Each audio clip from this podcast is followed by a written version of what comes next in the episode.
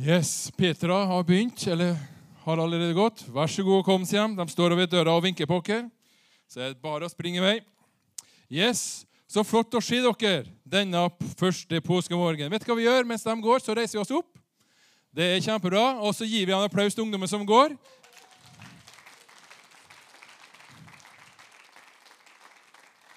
Eh, og mens du er ferdig med applausen, så snur du deg til sidemann og så hilser du vedkommende velkommen. og Hyggelig å se deg. Gir hverandre en klem eller en hils. Kanskje det er noen du ikke kjenner. Da sier du 'Mitt navn er punkt, punkt, punkt'. Hva er ditt navn? Det er normal høflighet, er det ikke det? Yes. Ja, det var en fort hilsen, det. Det var kjempebra. Det er flere som jeg ikke kjenner her, så det er veldig oppmuntrende. Uansett, hvis du lurer på hvem jeg er, så er mitt navn Jonny Pettersen. Jeg er en av pastorparet i denne menigheten her. Så hyggelig å se deg denne morgenen. Du, første påskedag. Jesus har dødd. Han har stått opp. Hele essensen for vår tro er den, disse dagene. Hele fundamentet for troa vår, hvorfor vi har menighet, skjedd disse dagene her. Kanskje du tror det, kanskje du tviler, kanskje det er nytt for deg. Kanskje du er her på møte for første gang, kanskje du er for andre gang, du har blitt invitert. Jeg vet ikke. Uansett skal du være hjertelig velkommen til fundamentet, for det viktigste som skjer i Bibels historie. Skal vi klappe for dem som er nye her for første gang? Og Hvis du lurer på hvem det er, så vet jo ikke jeg det, men hvis det er noen du ikke vet navnet på, så er det et godt tegn. Greit. Du, eh, det jeg skal snakke om, fundamentet jeg skal snakke om, er i, i eh, evangeliet, som vi kaller for Markus-evangeliet, kapittel 15 og 16. Det er hele fundamentet for de tankene jeg skal dele i dag. Men Første bibelverset jeg skal dele, det står i Jesaja 53, vers 4 og 6. Og spørsmålet mitt er hvorfor måtte Jesus dø og stå opp igjen? Hvorfor feirer vi påske? Hvorfor er påska den viktigste tida i vår troshistorie? Hvorfor er påska det viktigste i Bibels historie? Så mitt spørsmål til deg er hvorfor måtte Jesus dø og stå opp igjen. Nummer én Guds ord sier det. Nummer én Guds ord, Bibelen sier Gud sier det. Og vi leser det bl.a. i Jesaja kapittel 53, vers 4 til og med 6. Sykdommene våre tok han, og smertene våre bar han. Vi tenkte at han var straffet av Gud, straffet for sine egne synder. Men han ble såret for våre lovbrudd og knust for våre synder. Han ble slått slik at vi skulle ha fred. Han ble pisket slik at vi kunne få legedom. Vi har alle vendt oss hver vår vei og er helt på villspor, akkurat som sauer. Alle har vi forlatt Guds vei og fulgt vår egen. Men all vår skyld ble sonet da straffen ble lagt på ham ham, nemlig Jesus Kristus. Så hvorfor døde og sto opp igjen Jesus? Jo, bl.a.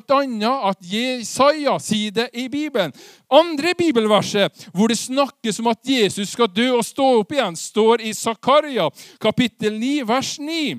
Fryd dere stort! Fryd dere for fremtida! Det skal skje noe! Fryd dere stort, Jerusalems folk! Bryt ut i jubel, for se, deres konge kommer til dere. Han er rettferdig og kommer med frelse, ydmyk og reisende på en eselfole. Hvorfor måtte Jesus dø, opp og stå opp, eh, dø og stå opp igjen? Jo, fordi Jesus sjøl sa det i Bibelen. I Markus kapittel 10, vers 32-34, så leser vi De gikk sammen på veien opp til Jerusalem, og Jesus gikk foran dem. Disiplene var redde og spurte hverandre hva er det nå som skal skje. Da stoppet Jesus, tok en liten pause med disiplene og begynte å fortelle dem om alt som skulle skje med ham. Når vi kommer opp til Jerusalem, kommer jeg, menneskesønnen, til å bli overgitt til øversteprestene og de skriftlærde. De vil dømme meg til døden og overgi meg til romerne. De vil spotte hete og piske meg, ja, til og med spytte på meg, og til slutt ta livet av meg. Men etter tre dager så skal jeg stå opp igjen. Hvorfor måtte Jesus dø og stå opp igjen? Guds ord sier det, Bibelen sier det, og til og med Jesus sier det. Hvorfor måtte Jesus dø og stå opp igjen? Punkt nummer to. Jo, for å ta bort avstand mellom meg og, deg, eh, meg og Gud. Deg og Gud. Det var en avstand mellom oss og Gud. Vi levde atskilt. Jesaja leser vi nettopp at vi levde våre egen veier. Vi var borti vekke som noen ville sauer. Og sauer må dere være i alle fall kjent til her på Haua. Det er jo mer sauer her enn mennesker, så det må jo være et kjent bilde. Men Hvorfor måtte Jesus dø og stå opp? Jo, for han måtte ta bort avstander mellom meg og Gud. Deg og Gud. Vi leser bl.a. i Markus kapittel 1, vers 14-15. Litt senere ble Johannes satt i fengsel. Jesus kom da til Galilea, der han forkynte de gode nyhetene fra Gud. Han sa, 'Nå er tiden kommet. Guds rike er nær.' Ta oppgjør med dere sjøl. Reflekter, tenk over hva er det med livene våre. Våg å stille spørsmål med ditt eget liv, mitt eget liv. Våg å stille seg spørsmål med min og din livsstil. Ta et oppgjør med dere sjøl, og ta imot dette gode budskapet. Hvorfor måtte Jesus dø og stå opp igjen? Jo, nettopp for å ta bort avstanden som var mellom deg, meg og Gud. Vi leser i Johannes kapittel 1, vers 14. Jesus kom til jorda som et menneske. Han levde blant oss sammen med oss menneskene. Vi fikk se hans herlighet, en herlighet som Guds egen kjære sønn har fra sin himmelske far. Jesus var full av nåde og sannhet. Avstand mellom Gud ble fjerna gjennom Jesus Kristus. Den muren som var mellom meg og Gud, deg og Gud, ble fjerna. Den synda som holdt meg borte fra Gud, deg borte fra Gud, ble fjerna gjennom Jesus Kristus. Det skillet som ble fjerna i påska gjennom at Jesus døde og sto opp igjen, ble borte vekke. I Markus kapittel 15, vers 37-39, så leser vi Enda en gang ropte Jesus høyt. Så puste han ut for siste gang. I samme øyeblikk revna forhenget inn til det aller helligste inne i tempelet. Det revna hele veien, fra øverst til nederst. Et lite bilde på at det var et, et, eh, et, en mur, det var et teppe det var et skille mellom oss menneskene og Gud. Det var noe som var uh, synd, som holdt oss på avstand ifra Gud. Og det revna i det sekundet siste pusteslaget Jesus pusta ut på korset. Så revna det automatisk, uten at et menneske var til stede. Som igjen er et bilde på at den avstanden som var mellom meg, deg og Gud, det ble borte borte gjennom det Jesus gjorde på korset. Paulus sier noe fantastisk i romerbrevet angående avstander mellom meg og deg og Gud. I Romerbrevet kapittel 3, vers 21-24 så leser vi Men nå har Gud vist oss en annen måte vi kan bli skyldfrie for ham på, uten å oppfylle alle budene. Denne veien har Gud hele tiden vist oss gjennom Moselovene og profetene, altså Det gamle testamentet. For i Guds øye blir mennesket rene på grunn av Jesu død for menneskeheten. Gud ser i nåde til alle som kommer til tro på Jesus. Her er det ingen forskjell. For alle mennesker har synda og mista fellesskapet med Gud. Likevel gjør han oss helt rene og skyldfrie, og det helt ufortjent gjennom at Jesus har kjøpt oss fri fra synden. Altså, igjen så leser vi det at den avstanden som var mellom oss og Gud, den avstanden har Jesus fjerna gjennom at han døde og sto opp igjen. Og Det som er litt interessant når vi leser om dette, så slår jeg inn et lite utfordring, en liten tanke. Det er ikke det at han fjerna synda for alle andre, men han fjerna det for meg. Dette gjelder meg, mitt personlige liv, min personlige tru. Det er fantastisk med det som Jesus gjorde, demonstrerte på korset.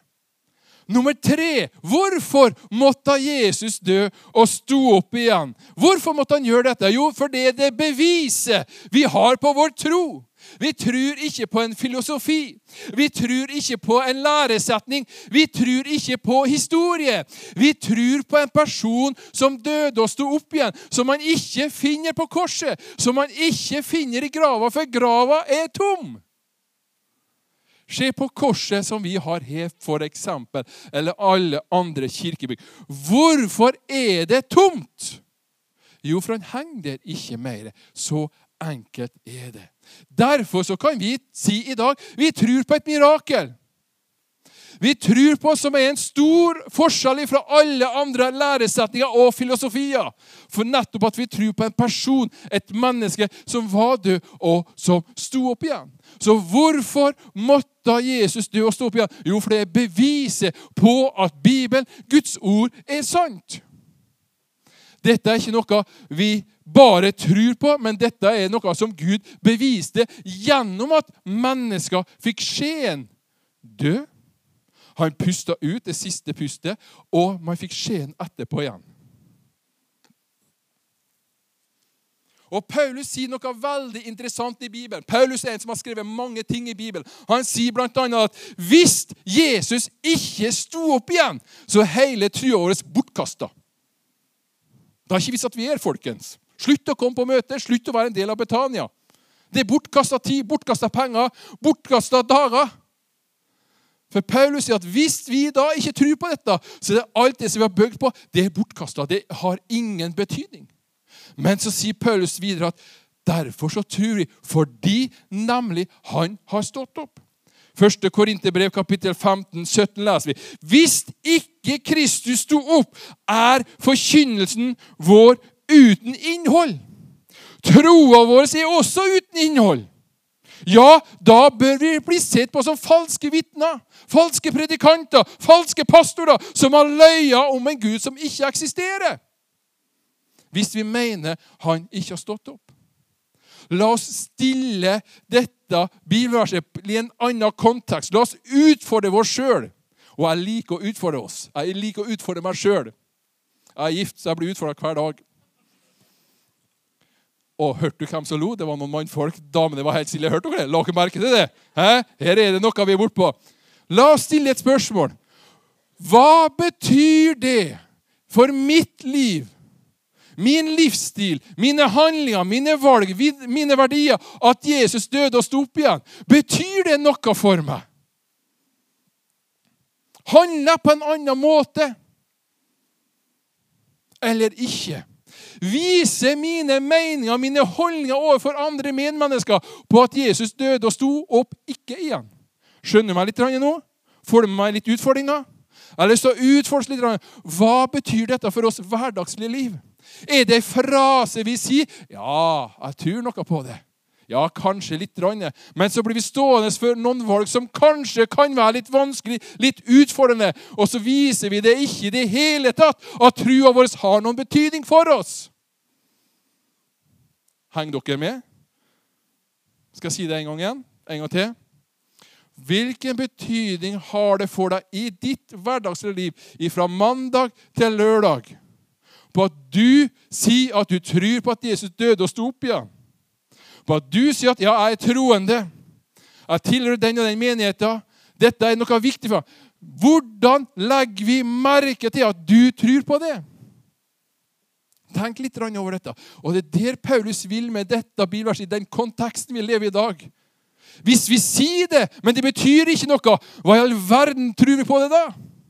Hvorfor sier vi det da, når man ikke viser det? Forstå meg rett nå, det handler om at Vi skal gjøre veldig mye ting for å bli akseptert som troende. Det er ikke det det handler om, men det handler noe på innsida vår her. Vi, så, vi, har så lett for å si fraser. Vi har så lett for å komme på møte, ha på skjorta. I dag fikk jeg kjeft av min kone. Og da gjør jeg ekstra mer gjerne. Jeg hadde på meg noen andre klær, det var litt hull i buksa, så ser du på meg 'Jonny, det er første påskedag.' Ja, hva er forskjellen på første påskedag og andre påskedag og tredje, fjerde påskedag? Jeg forstår det ikke. Du må ha på deg slips. Aldri livet, sa jeg. Er ikke passet for å gå i slips. Poenget her litt er hva slags betydning har det for vårt hverdagslige liv at vi sier at vi tror på dette? Og det er der Paulus vil ut etter her nå.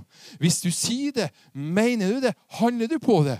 Hvis ikke, så er du faktisk en hykler, løgner. Så langt går Paulus. Oi, nå ble det noe større her nå. Jeg ønsker bare å utforske for å få i gang litt den pappskallen, så vi har litt over skuldrene for å tenke hva betyr dette for oss? Hvorfor døde Jesus og sto opp igjen? Jo, for det beviser vår eksistens for oss som tror. Jesus viste seg for mange. Veldig mange. Til å begynne med så viste han seg for ei dame. Og hør her. Her skal vi lese litt om reaksjonene på Jesus' død oppstandelse. Første reaksjon leser vi i Johannes kapittel 20, vers 14.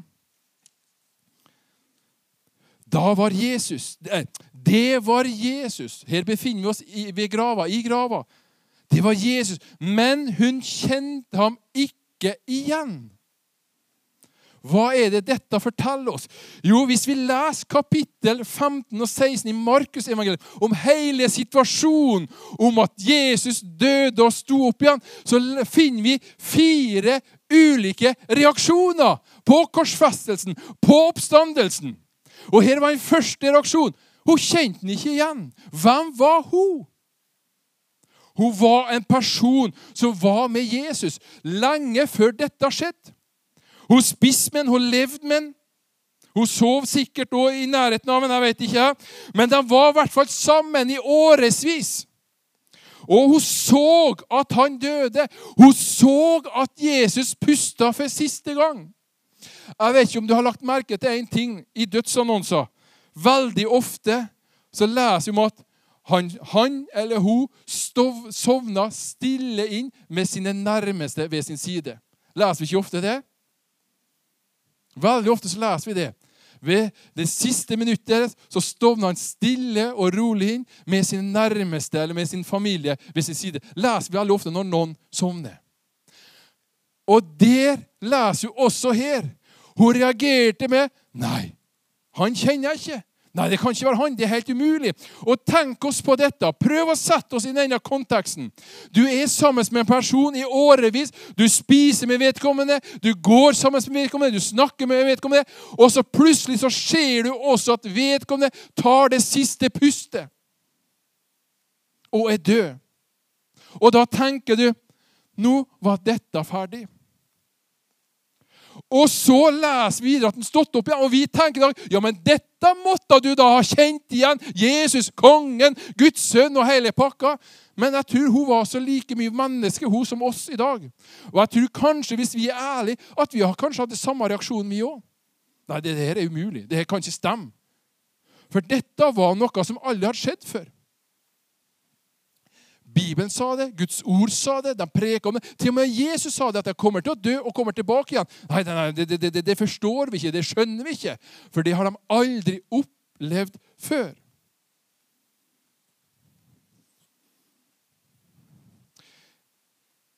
I går var jeg med på noe Jeg håper dere skjønner konteksten her. I går var jeg med på noe som for mange er helt normalt, som har bonde, bondegård og sauer og sånt. Nå er det lemming på gang.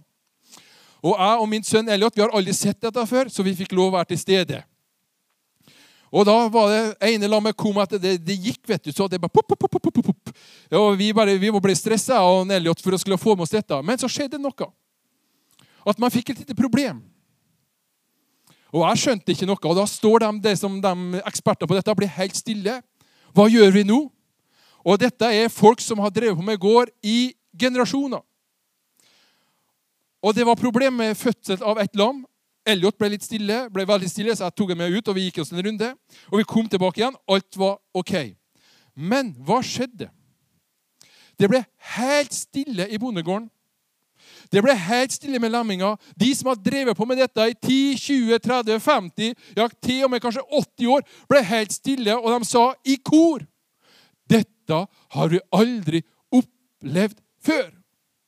Og jeg tenkte på meg selv, har gjort dette i 80 år, så må man skjønne at dette skjer denne gangen. Men der var det en situasjon de visste ikke hva de skulle gjøre. De trodde ikke det kom til å gå bra. Det ble helt stille. Og du vet, for meg som var helt ny oppi dette, jeg ble i hvert fall stille. Samme situasjon var det med Maria og Jesu død oppstandelse. Det skjedde noe som ingen har sett før. Og reaksjonen var 'dette er umulig'.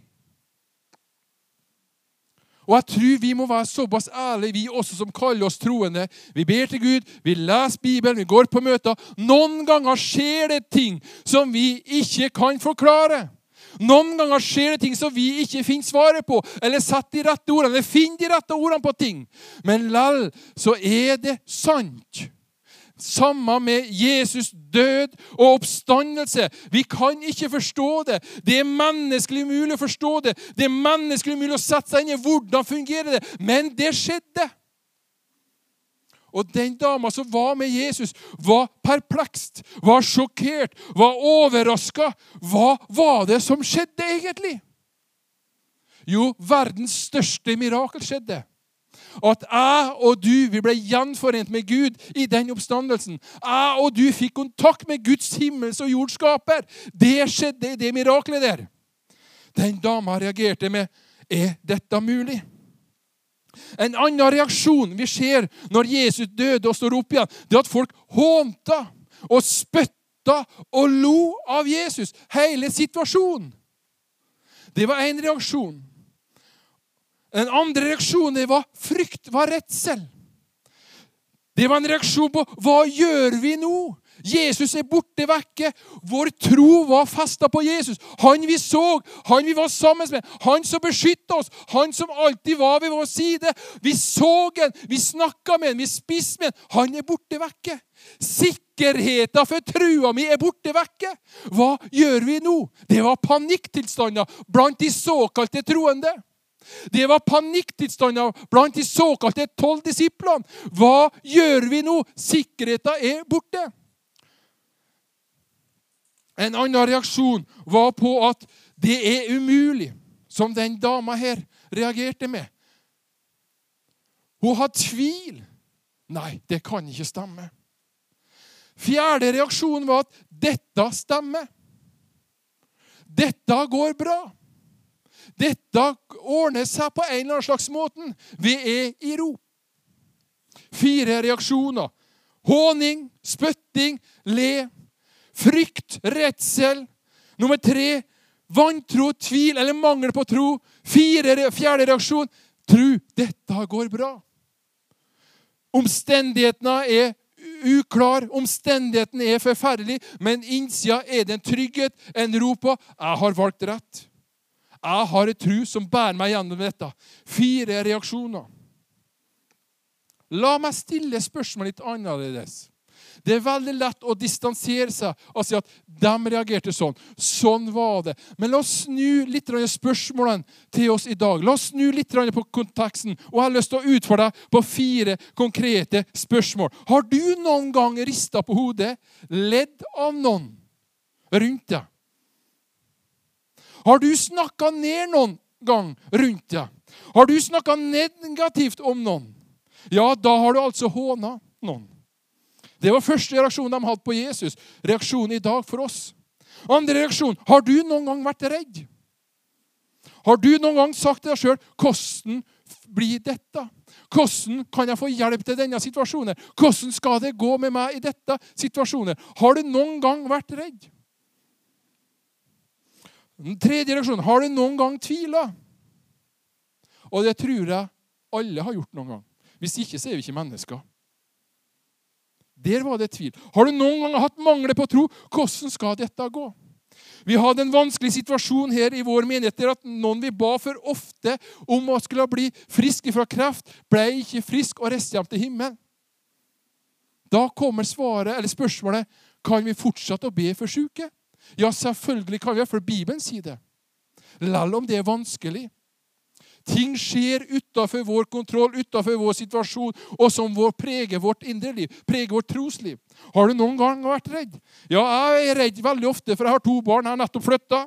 Og Jeg bor opp med en vei, og Elliot han springer veldig fort ut. Jeg prøver hver gang, hver dag, ti ganger for dagen. Spring ikke ut i veien, det kan komme en bil! Og så springer han selvfølgelig ut i veien, og det kommer en bil.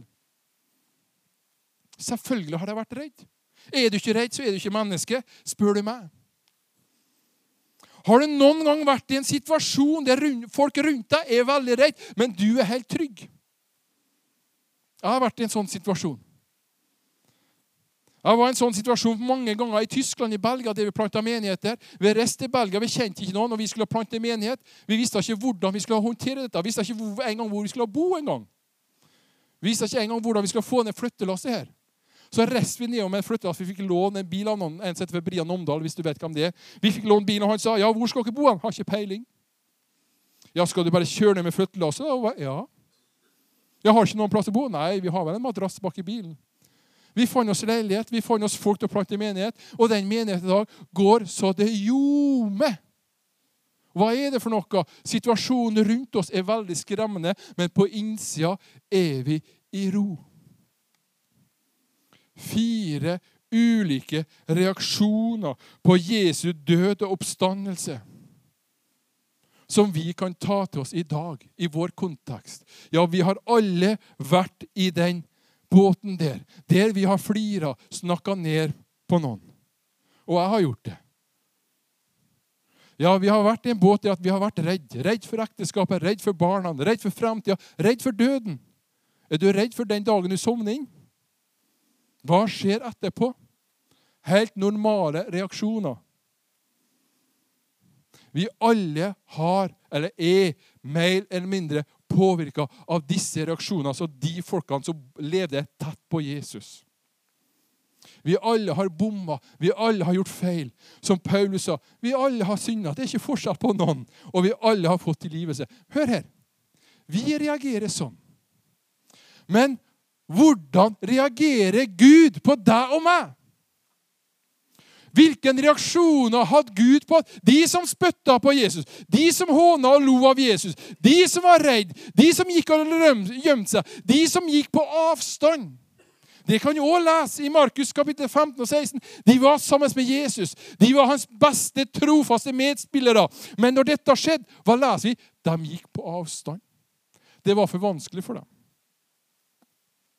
Hva er det Gud reagerer? Hvordan reagerer Jesus overfor meg og deg når vi reagerer feil? Hør her hva Bibelen sier i Lukas kapittel 23, vers 34. Gud reagerte med en tydelig reaksjon gjennom Jesus Kristus. Da det var som ondest, da det var som verst, da blodet rant som det mest, da sier Jesus, 'Far, tilgi dem, for de veit ikke hva de gjør.' Far, tilgi dem, for de vet ikke hva de gjør. Du vet altså ikke hva du gjør når du håner, når du ler av noen, når du rister på hodet av noen. Du har helt sikkert ledd av meg, og det kommer du helt sikkert til å gjøre i fremtiden. Helt i orden. Stå på, sier jeg bare. Jeg tar meg ikke nær av det. Men du har gjort det med andre, kanskje. Kanskje i din familie, i ditt ekteskap, jeg vet ikke, av dine venner. For det er en normal menneskelig reaksjon å prøve å sette seg over andre, men det er totalt feil bibelsk reaksjon. Du veit ikke hva du gjør. Jesus sier det. Du er tilgitt. Når du er redd, da du kanskje skulle ha vist deg opp som en rollefigur du, Folk er redd rundt deg i nabobygda, i, i, i, familien. Så er du som et forbilde som egentlig skulle vært det som et trosforbilde og sa vet du noe, folkens, slapp av. Jeg vet at dette går bra, for jeg har kontakt med Gud. Men så er du kanskje en som springer først ut gjennom døra og gjemmer deg. For du takler ikke presset, du takler ikke stresset, du takler ikke de som er rundt deg. Du vet ikke hva du gjør, men slapp helt av. Hva er det Gud reagerer? Du er tilgitt. Det er reaksjon. Største reaksjon. Og det er det som er budskapet i, i, i, påska, i korset, i døden, oppstandelsen. En tilgivelse som koster alt. En tilgivelse som utgjør den store forskjellen på oss og på Guds ord og på Bibelen og på verdenshistoria. Tilgivelsen er at Jesus døde for meg og deg. Tok på seg våre feil og mangler. Tok på oss alt det som vi gjør som er dumt, som vi ikke bør gjøre. Gud tilga oss. Og det er det som er så fantastisk med korset. Det er det som er så fantastisk med dette miraklet. En tilgivelse, et mirakel om at Jesus overvant alt som går an å overvinne. En tilgivelse som gir liv. En tilgivelse som gir evig liv. En tilgivelse som gjenoppretter. Og hører, folkens, en tilgivelse som helbreder mennesker på innsida og på utsida. En tilgivelse som setter mennesker i stand, i frihet, istedenfor å være bundet av ting. En tilgivelse, ja, som er større kraft enn annet enn det vi klarer å forstå. Og det er derfor vi kan si Har du en utfordring, har du et problem, skje til korset. Ønsker du en forandring i ditt liv? Ønsker du en forandring i kona sitt liv? Ønsker du en forandring i barna dine sitt liv? Ønsker du en forandring i familien din? Ønsker du en forandring på jobben din? Ønsker du en forandring hvor som helst hvor det måtte være? Skje til korset. Derfor så kan vi si er du sjuk, skje til korset. Er du bitter, se til korset. Har du vært, eller er du dømmende, håndmodig overfor andre, se til korset. Er du en som har mista troa di, se til korset. Er du en som tviler, se til korset.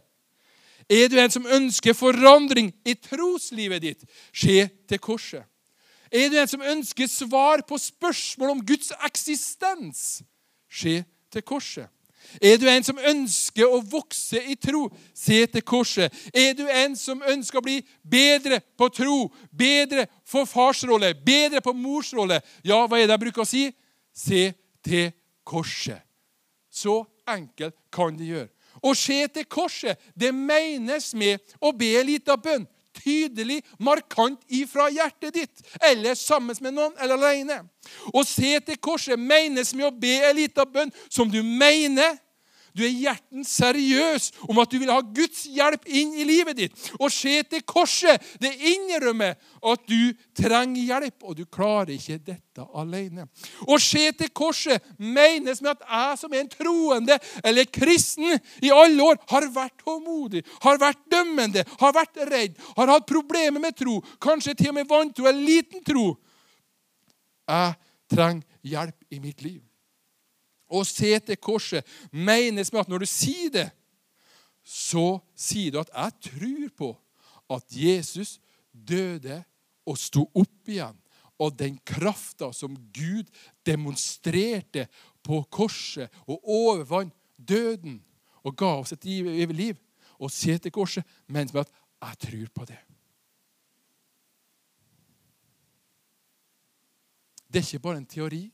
Men det er noe som fungerer den dag i dag, og som jeg tror på, og som preger mitt hverdagslige liv daglig. Det er derfor jeg vil se til korset. Og det er derfor det er tilgivelse og gjenopprettelse og et start på ny.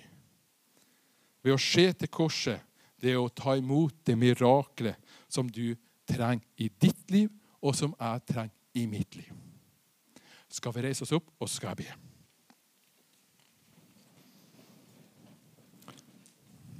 Far i himmelen, jeg takker deg for du er en allmektig Gud. Takk, far, for at du er en levende Gud.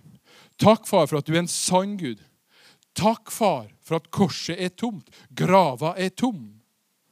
Takk, Jesus, for kraften i evangeliet, kraften i budskapet om at Jesus døde og sto opp igjen. Den kraften fungerer like sterkt i dag som den alltid har gjort. Takk, far, for at vi kan se tilbake på et kors som er tomt, vi kan se tilbake på ei gras som er tom, og si at der er eksistensen for vår tro. Det er fundamentet for vår tro. Det er fundamentet for hele Bibelens historie. Og det vil alltid være fundamentet om at Jesus døde og sto opp igjen. Du ble en del av oss. Og vår synd og vår feil og mangler ble lagt på korset, og tilgivelsens kraft er tilgjengelig. Takk, far, for når vi ber en liten bønn, så svarer du i Jesu Kristi navn. Kan vi bare ha øynene noen få sekunder lukka? Så lurer jeg på Her er det en person som er sliten pga. troa. Her er det en person som er sliten pga. troa. Du har stilt deg spørsmål orker jeg gå på et nytt møte. Orker jeg å være troende? Og Jeg ønsker at du skal bli fri fra dette. Jeg ønsker at Gud skal hjelpe deg gjennom dette. Og hør her, du. Gud har aldri vært nær deg som han er nå. Jeg har lyst til å be, be en liten bønn for deg. Skal ikke ta deg frem, men jeg vil bare spørre er det du, så rekk opp bare hånd, så skal jeg be kort bønn.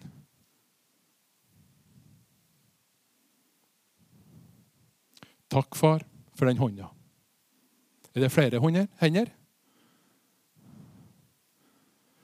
Takk, far, for ditt kraft. Takk for ditt mirakel. Takk for at korsets kraft skal hjelpe den personen der til å løfte vedkommende opp, til å oppmuntre, til å komme med forandring på innsida. Takk, Hellige Ånd, for at du skal svare den kvelden vedkommende folder hendene sine og ber til deg. Kanskje med tårer, med usikkerhet, men du skal svare i Jesu Kristi navn. Vi holder øynene noen få sekunder til. Dette var en hilsen til deg, og du skal bare være glad for at du var på møtedag, for at Gud ser til deg. Så vi vil alltid gi muligheten for at kanskje du er her i dag, som alle har vært på møte før. Du er kanskje ny, jeg vet ikke. Men kanskje sier ja, jeg vil gi livet mitt til Jesus. Jeg vil starte på nytt. Jeg ønsker å oppleve den kraften som var på korset. Jeg ønsker å tilhøre dette. Jeg ønsker at Gud skal være en del av mitt liv. Da har jeg lyst til å be litt av bønn for deg akkurat nå. Men jeg vil gjerne vite hvem jeg ber for, og da ber jeg å rekke opp en hånd der du står akkurat nå. Takk for hånda di. Det Er flere. det? Er flere hender? Jeg ser hånda di. Takk skal du ha. Er det flere hender? Da skal jeg be en liten bønn, og jeg vil at hele forsamlinga skal gjenta denne bønna etter meg. Det er kort, liten bønn, og den betyr, den bønna betyr Det er et enkelt tegn på at Gud, kom inn i livet mitt. Jeg vil tro på deg. Jeg vil følge deg hele mitt liv. Nå ber jeg, og så gjentar hele forsamlinga. Takk, Jesus, for et evig liv. Takk, Jesus, for tilgivelse for min synd. Jeg vil tro på deg, Jesus, hele mitt liv. Amen. Skal vi klappe, og skal vi gi Gud ære for det? Da ønsker jeg resten av forsamlinga en fantastisk søndag. Jeg gir mikrofonen over til Bjørn Erik. Jeg vet at det er kafé i dag, så jeg vil ikke at alle skal springe hjem. Gjerne at vi tar en kaffe, kaffe sammen og hilser på hverandre. Men så utrolig oppmuntrende å se dere og komme på en første påskedag. Det er ikke alle som har gidda, men du har gidda, og det har hjulpet meg. Jeg håper jeg har gitt deg noe til å tenke over noe. Jeg håper jeg har gjort deg irritert, sint eller oppgitt, for da fungerer det veldig bra. Og jeg ønsker at dere kommer tilbake igjen. Ha en fortsatt fin søndag. Bjørn Erik.